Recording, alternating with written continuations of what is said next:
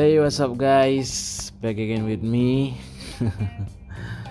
Selamat datang di podcast Aki Jongkok bersama saya Rizky di sini.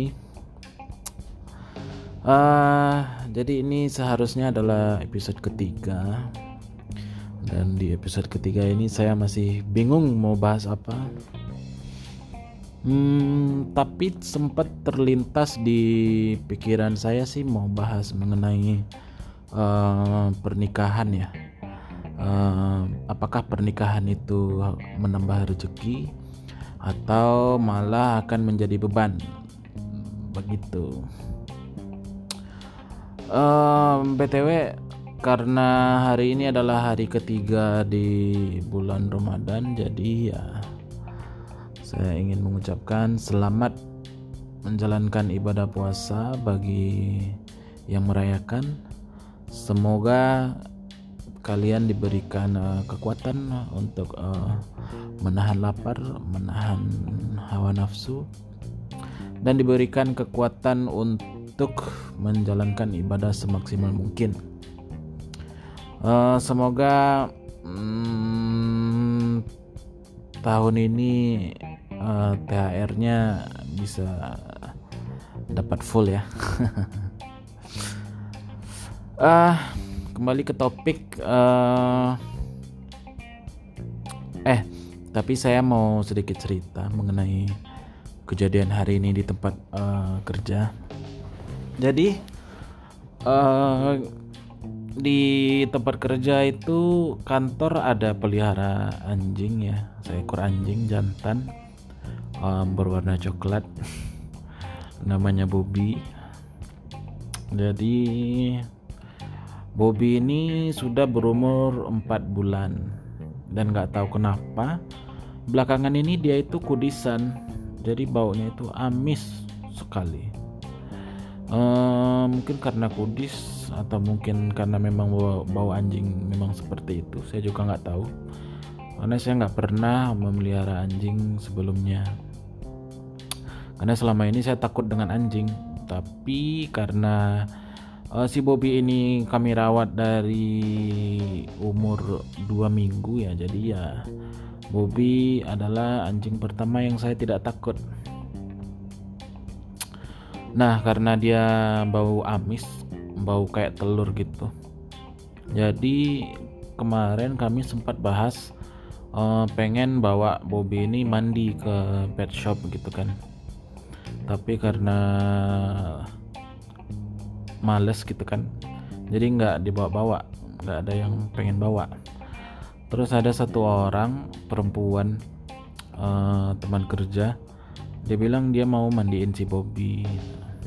Terus tadi uh, kami tagih lah janji itu. Katanya mau mandiin si Bobby kok nggak dimandiin gitu kan. Uh, singkat cerita dia mau mandiin Bobby kalau dibayar 50 ribu. Saya tawar dong 10 ribu tapi tetap tidak mau. Uh, terus uh, uh, untuk memotivasi uh, dia yang mau memandikan si Bobby saya bilang begini uh, kamu tahu kan uh, ada pelacur yang yang masuk surga karena memberi minum seekor anjing gitu kan. Uh, dengan harapan saya bilang begitu supaya dia mana tahu karena di bulan puasa ingin mendapatkan pahala yang lebih gitu kan. Semoga ya uh, perilaku baik yang dia berikan itu pahalanya berkali lipat. Niatnya begitu memotivasi. Tapi ada uh, rekan kerja lain perempuan juga dia nyeletuk. Dia bilang tapi pelacur itu dia nggak pernah menyakiti hati orang nggak pernah menyinggung katanya. Terus saya jadi mikir emang ada manusia di bumi ini yang nggak pernah menyinggung nggak pernah menyakiti orang? Nabi aja menyakiti hati orang gitu kan. Ya nggak Nabi aja menyakiti hati orang kafir gitu kan.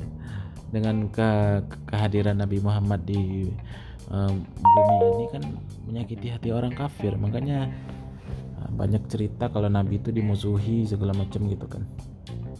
Hmm, itu adalah bukti hidup bahwa nabi yang sesempurna itu aja nggak nggak disukai semua orang. Masa seorang pelacur nggak pernah menyakiti hati orang lain gitu kan pasti itu ada satu momen yang kayak uh, jadi pelacur ini uh, yang masuk surga itu ya. Jadi dia kan tentu ada lokalisasinya gitu kan. Mungkin ada ya anggaplah ada rumah gitu kan. Terus di rumah itu ada beberapa pelacur lainnya gitu kan. Terus ada pelanggan masuk. Masuk ke rumah buka pintu set terus uh, pelacur ini yang masuk surga itu bilang bang sama adek aja bang gitu kan. Padahal kan mana tahu ada pelacur lain yang pengen manggil juga gitu tapi yang yang udah lihat itu tamu baru masuk pintu mau mau jualan lah gitu kan mau menawarkan diri bang eh tahu taunya yang pelacur yang tadi itu uh, duluan ngomong gitu jadi ngerti nggak sih kayak ya rebutan pelanggan lah gitu rebutan customers gitu kan. Tentu yang pelacur yang lainnya itu kan sakit hati juga mungkin ya orang oh uh, saya baru mau manggil nih pelanggannya malah diduluin sama dia gitu kan. Uh, ini ini pelacur ini, ini ya ya gitulah ngerti kan? Namanya hidup bersosial gitu kan. Pasti ada ketersinggungan gitu kan. Terus uh, mana tahu pelacur itu juga dalam menjalankan tugasnya gitu kan. Jadi mana tahu uh, ketika melayani pelanggan uh, berhubungan uh, badan gitu kan mana tahu yang pelacur ini uh, mendesah tapi pura-pura mendesah gitu kan. Yang kan bisa aja tuh. Yang pelanggan itu jadi sadar nih oh, ini nggak diapa-apain kok mendesahnya sebegitunya gitu kan. Ini pasti fake gitu kan. Nah, kan bisa jadi aja tuh yang cowok pelanggannya itu tersinggung karena dia pura-pura mendesah gitu. Atau mendesahnya itu lebay gitu nggak nggak nggak seperti sewajarnya gitu kan atau mana tahu pelanggannya itu masih newbie gitu kan. Jadi nggak ngerti caranya.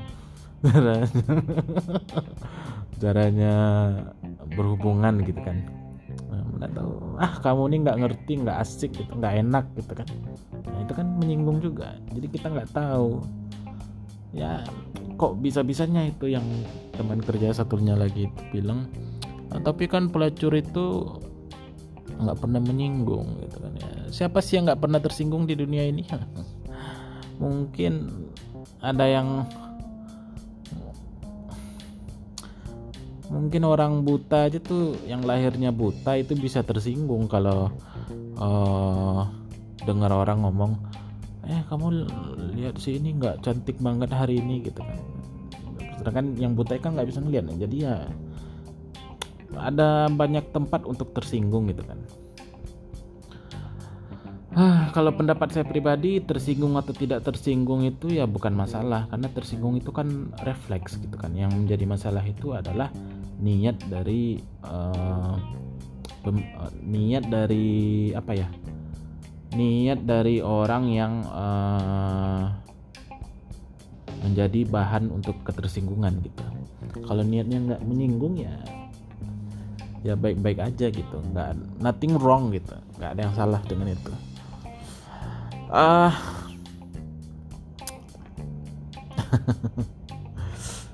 Uh, lanjut ke pembahasan berikutnya mengenai pernikahan itu membawa rezeki atau malah menambah beban dalam hidup gitu kan. Uh, tentu di luar sana kan banyak itu orang-orang yang baru umur 23 uh, cowok ya cowok umur 23 24 itu baru-baru lulus kuliah langsung menikah. Padahal kan kerjaannya belum jelas mungkin gaji masih di bawah UMR atau udah UMR gitu kan. Tapi kan tetap aja itu sebetulnya nggak cukup ya. Ya cukup nggak cukup ya itu tuh tergantung sih tergantung gimana dia uh, standar hidupnya gimana. Tapi kan banyak orang yang beranggapan kalau hmm, UMR itu ya pas-pasan lah gitu. Cukup nggak cukup gitu. Nah uh, tentu kalian juga kenal kan orang-orang yang waktu lajang itu hidupnya mungkin susah mungkin keuangannya berantakan gitu kan. Tapi setelah menikah dia terlihat lebih sukses mungkin ya mungkin istrinya pinter ngelola keuangan ya jadi dia terlihat lebih sukses mungkin ya pemasukannya sama aja tapi karena pinter ngatur keuangan jadi jadi kelihatan hasilnya gitu. Nah tapi kan ada juga tuh orang yang bilang oh kalau memang uh, menikah itu membawa rezeki gitu kan. Kenapa banyak orang yang uh, bercerai gara-gara ekonomi gitu? kan memang ada buktinya juga gitu banyak juga orang yang menikah gara-gara ekonomi gitu kan gara-gara nggak punya uang. Jadi sebenarnya uh, apakah menikah menambah rezeki uh, mungkin ada gitu kan yang orang yang setelah menikah uh, rezekinya bertambah. Dan ada juga orang yang setelah menikah malah makin susah gitu karena makin banyak tanggungan segala macam makin stres akhirnya bercerai gitu. Jadi kembali ke diri masing-masing ya. Kalau pendapat saya pribadi sih nikah itu hmm, penting nggak penting sih. Kalau tujuannya dalam hidup atau gini kalau udah ngerasa bosan sendiri gitu kan. Merasa uh, asik nih kayaknya kalau punya teman hidup gitu kan uh, tempat ada orang yang bisa tinggal satu rumah berbagi keluh kesah gitu kan. Atau ada yang bantuin uh, dia ada yang bisa ngebantuin dia menata hidup gitu kan. Karena kan kalau hidup sendiri itu dibilang ribet ya ribet dibilang nggak ribet ya nggak ribet gitu kan. Kalau dia cari ribetnya ketemu tuh ribetnya. Ribetnya ya apa apa sendiri gitu kan. Tapi kalau uh, ada pasangan kan mm, normalnya kan pasangan itu kan bisa nge-backup kita gitu. Atau bisa melakukan hal-hal yang kita nggak sempat atau nggak bisa lakukan. Tapi kalau dicari ribetnya bisa juga Kalau lajang apa-apa simple cepat selesai ya nggak ribet gitu kan. Tapi kalau udah menikah udah punya pasangan itu kan apa-apa kan harus didiskusiin gitu kan. Jadi apa-apa mungkin eh, bisa jadi ribet gitu. Kayak mungkin ya hmm, kalau lajang nggak perlu uh, meja gitu kan. Tapi kalau udah nikah jadi perlu meja. Terus berdebat ini mejanya untuk apa gitu kan modelnya seperti apa segala macam gitu kan ya kalau mau dicari ribetnya ya ada aja gitu. Tapi kalau menurut saya sih menikahlah ketika kita sudah merasa siap untuk menikah gitu kan. Karena kalau menikah ya kita harus siap uh, memberikan kasih sayang gitu kan. Dan kita juga harus siap untuk menerima kasih sayang. Hmm, masalahnya kan kadang bentuk kasih sayang yang diterima itu kan beda-beda kan cara orang menyampaikan rasa sayangnya kan beda-beda. Mungkin cara orang menunjukkan rasa sayangnya kita nggak suka jadi kita itu ya harus pinter-pinter untuk uh, bertoleransi di situ gitu. Maksudnya ya pinter-pinter lah untuk melihat uh, niatnya itu seperti apa. Jadi ya begitulah. Kadang pun kita kalau kalau bahasa ininya love language bahasa anak mudanya itu kan kadang ya uh, misalkan love language-nya kita itu quality time gitu kan tapi pasangan kita love language-nya bukan quality time nah itu negonya itu gimana gitu kan. Jadi yang kayak kayak gitu juga harus dipikirkan udah siap nggak gitu? Uh, ketika keinginan kita tidak terpenuhi tapi kita harus memenuhi keinginan pasangan kita demi uh, kestabilan uh, emosi, kestabilan uh, hubungan di antara pasangan gitu. Jadi harus pinter-pinter lah gitu. Terus uh, ada banyak juga orang yang bilang oh kalau uh, ketika menikah kita harus menerima kekurangan orang gitu kan. Nah itu agak agak rancu sebenarnya gimana kalau uh, kekurangan pasangan itu nih anggap kasusnya cewek ya? Cewek ini punya cowok yang cowoknya itu waktu pacaran itu suka mukul gitu kan. Terus si cewek uh, berharap atau karena ada ada pepatah atau ada pandangan lah yang bilang kalau uh, kita harus menerima kekurangan pasangan ketika sudah menikah terus uh, cewek itu memutuskan untuk menikah dengan cowok tersebut. Cowok yang suka mukul waktu pacaran. Nah, tentu ceweknya itu berharap uh, pasangannya berubah gitu kan. Setelah menikah nggak main pukul. Iya kalau berubah kalau nggak gimana? Nah kayak gitu. Kan nggak mungkin kan uh, sedangkan kalau kalau udah menikah tapi ternyata banyak nuntut itu kan jadi bisa jadi sumber masalah gitu kan. Lo kok kamu uh, habis uh, gosok gigi kok pepsodenya nggak ditutup gitu kan? Lo kok handuknya kok handuk basah kok taruh di kasur gitu kan? Lo kok kamu masih main pukul apa segala macam kan? Kalau nikah itu ternyata masih belum selesai gitu kan? Maksudnya hmm, apa ya hmm, antara pasangannya satu sama lain belum bisa menerima kekurangan. Uh, pasangannya itu uh, belum bisa berdamai gitu kan belum selesai untuk berdamai dengan kekurangan pasangannya. Itu kan bisa jadi pemicu masalah ke depannya gitu kan.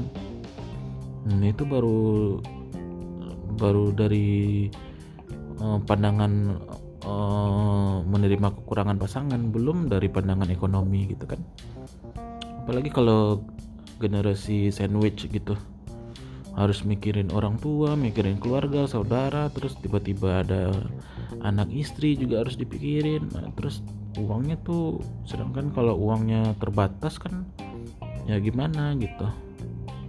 Itu juga harus dipikirin gitu kan.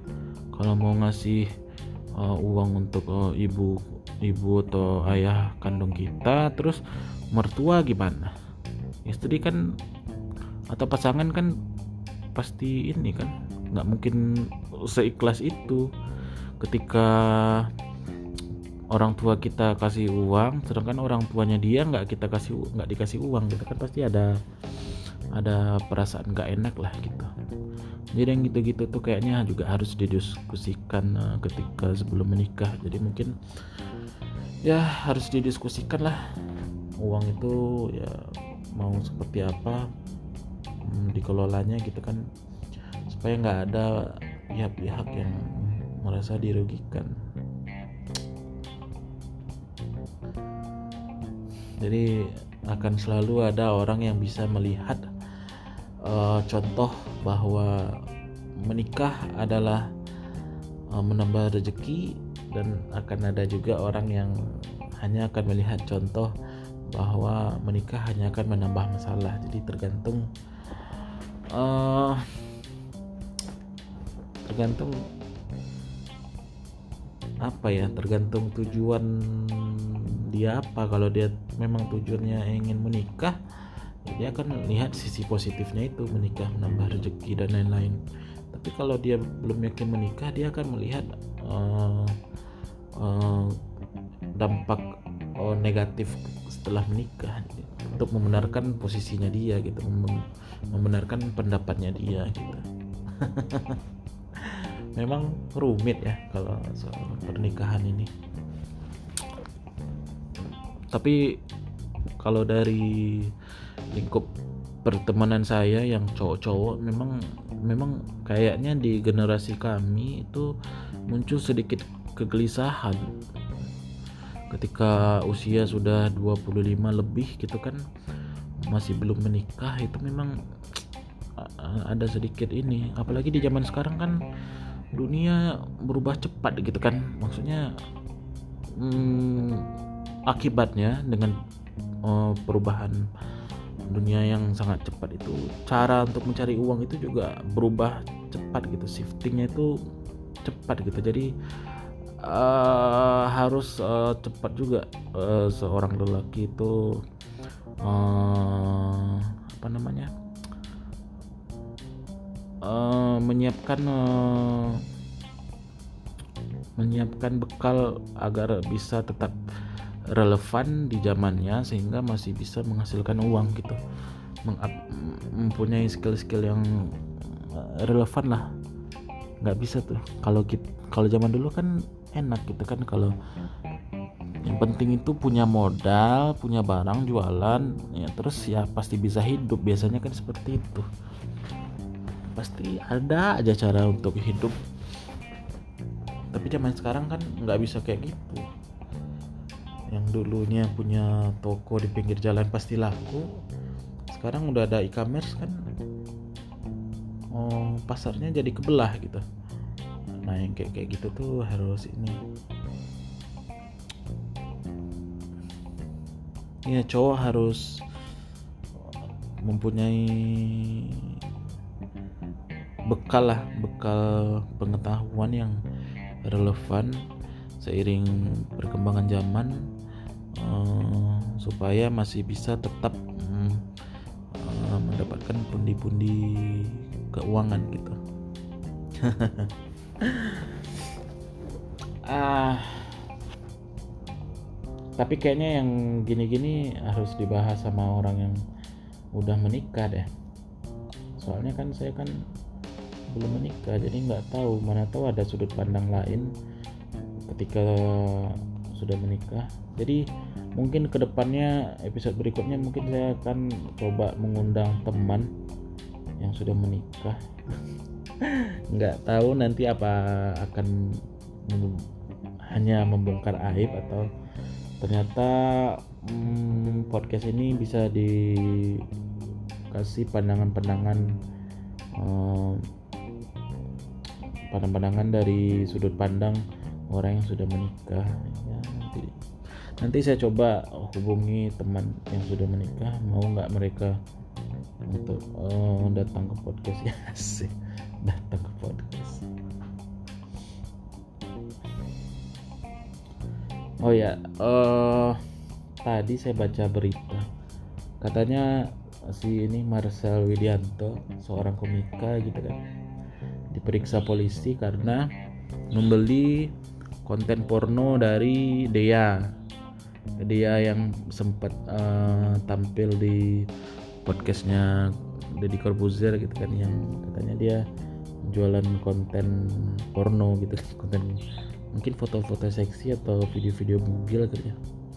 Terus Mars Marcelnya malah diperiksa gitu, sebagai saksi. Kok aneh gitu kok kok kok kayaknya negara ngurusin yang kayak beginian gitu kan.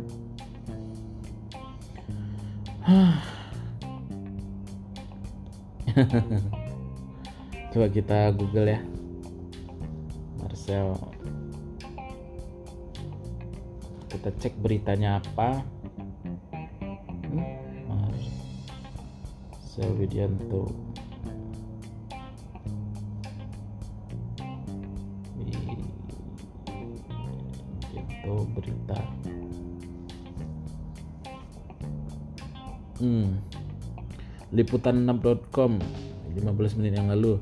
Alasan beli puluhan konten dia OnlyFans Marcel karena gue penasaran ya namanya cowok kan tentu punya fantasi tersendiri ya punya fetis tersendiri gitu. Kan nggak ada yang salah gitu kan. Mungkin dia memang Marcelnya penasaran itu dia itu di dalamnya kayak mana ya dia beli gitu kan. Lagian itu kan bentuk menghargai sebenarnya. Menghargai profesinya si Dea gitu kan. Emang dia hanya jualan itu ya udah dia beli. Nggak ada yang tersakiti. Ya mungkin dia Marcel ini ngerasa apa yang dilakukan aman-aman aja karena tuh nggak ada nggak ada pemerkosaan nggak ada pemaksaan nggak ada uh, terjadi sentuhan fisik. Jadi dia merasa ya aman-aman aja untuk beli hmm, konten porno gitu kan. Lagian kan seperti uh, kebanyakan pria pada umumnya gitu kan kan udah biasa gitu coli pakai uh, sambil nonton bokep gitu kan nonton video porno ngeliat-ngeliat foto porno gitu kan. Mungkin Marcel ini ada fetis hmm, senang untuk melihat atau seneng seneng untuk coli. Uh, yang bacolnya itu adalah orang-orang yang dia kenal di real life gitu. Jadi kan mungkin Marcel merasa ada kenikmatan tersendiri gitu kan. Ngebacolin orang yang dia kenal secara langsung terus ya begitulah. Nggak ada yang salah sih. Kenapa sih orang ribut soal beginian? Yang harusnya diributin malah nggak dibahas sama pemerintah sama media kan aneh. Lagian minyak goreng yang mahal itu katanya mau dikasih tahu mau dibongkar siapa-siapa aja mafia. Sampai sekarang nggak ada kelanjutan apa-apa. Sekarang juga eh, BBM itu kan pertalite itu udah langka. Saya biasanya isi bensin di SPBU yang dekat pelabuhan di sini. Biasanya sepi. Sekarang ngantri. Nggak tahu deh itu salah siapa. Lagian minyak goreng kok bisa-bisanya. Kan Indonesia itu produsen minyak kelapa sawit terbesar di dunia tapi bisa bisa langka gitu. Minyak goreng itu bisa jadi langka gitu. Hebat memang. Cara tata kelola negara kita itulah kalau kalau presiden dipilih secara demokrasi ya seperti itu. Maksudnya belum tentu presiden yang terpilih uh, karena popular vote karena voting terbanyak itu adalah orang yang mempunyai kapasitas atau kemampuan yang cukup itu untuk mengelola negara gitu kan. Karena hanya populer yang nyoblosnya itu kan belum tentu orang yang gimana ya bukan orang yang ahli gitu.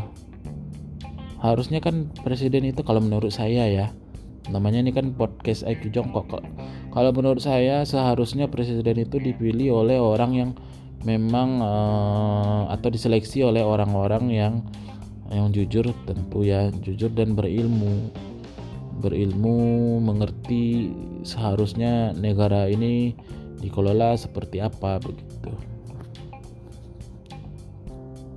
Ngerti ya dipilih oleh orang-orang yang jujur berilmu mengerti tata kelola harusnya yang ideal itu seperti apa dan netral gitu. Oh jadi orang-orang seperti itu. Nggak perlu deh maksudnya saya pun nggak perlu inilah nggak perlu nyoblos pun nggak apa-apa. Yang penting ya presiden dipilih oleh ahlinya lah gitu. Karena yang ngerti gimana negara ini harus dijalankan kan orang yang berilmu. Kalau saya sih nggak nggak ngerti apa apa jadi kayaknya demokrasi kita ini gagal gitu. Karena kan mayoritas orang Indonesia juga uh, nggak terdidik dengan baik gitu kan. Maksudnya ya begitulah kurang SDM kita kurang berbobot terus maaf ya maksudnya yang mayoritas kan kurang berbobot gitu kurang berilmu. Nah masa pemimpin kita yang memilih orang-orang itu gitu kan? Ya termasuk saya gitu. Jadi mending presiden itu dipilih oleh ahlinya lah atau minimal ada tahapan dulu sebelum dia jadi presiden gitu kan tahapan. Jadi memang diproses dari bawah. Tapi kan kalau Pak Jokowi itu kan kayaknya terpilih karena ini. Kalau saya terus terang saya memang coblos Jokowi tapi tapi kalau dulu itu kayaknya karena termakan uh, media kayaknya waktu Jokowi belusukan gitu kan. Jokowi pakaiannya pakaian anak-anak muda dengar musik metal burger kill gitu. Ya ternyata itu kan pencitraan. Nah dulu kan saya belum ngerti apa itu pencitraannya. Nah, itulah. Semoga nggak terulang lagi di pemilu berikutnya. Semoga kandidat-kandidatnya itu adalah orang-orang yang benar-benar berbobot. Bukan kaki tangan oligarki. Bukan presiden boneka lah gitu. Ya tapi mungkin agak susah juga ya karena kan ada presiden threshold. Hmm, jadi presiden threshold itu ya yang bisa mencalonkan uh, apa namanya yang mencalonkan presiden itu adalah partai politik yang uh, jumlah kursinya cukup di DPR kayaknya sih gitu presiden threshold. Kan banyak juga tuh orang yang ingin presiden threshold itu dihapuskan sehingga nggak uh, perlu apa namanya nggak perlu partai politik yang mengusung. Jadi orang siapa aja bisa jadi presiden gitu kan. Tapi muncul lagi apa argumen yang ya kalau gitu orang gila pun bisa uh, apa apa apa namanya bisa ini dong bisa mencalonkan diri jadi presiden dong. Nanti calon presidennya jadi banyak terus orang jadi bingung. Atau ada orang kaya yang pengen jadi presiden gitu kan? Nah, ya tapi yang namanya seiseng-isengnya orang untuk ingin menjadi presiden kan itu kan modalnya nggak sedikit juga gitu. Jadi harusnya kan uh, orang nggak ingin untuk menjadi presiden untuk main-main gitu kan.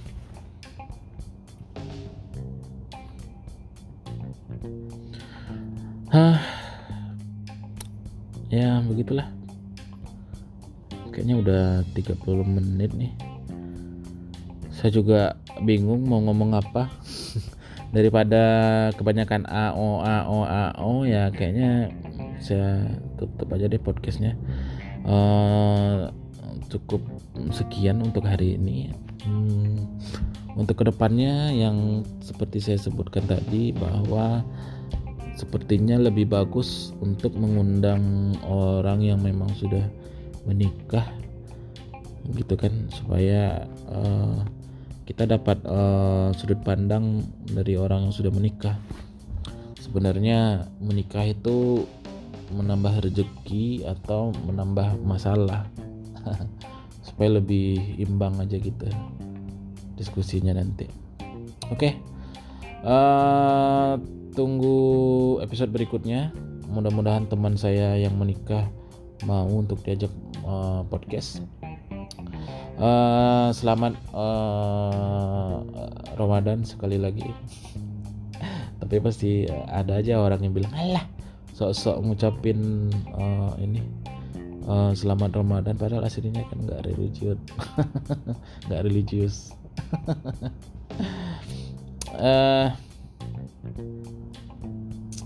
ya udahlah ya. Kayaknya itu aja.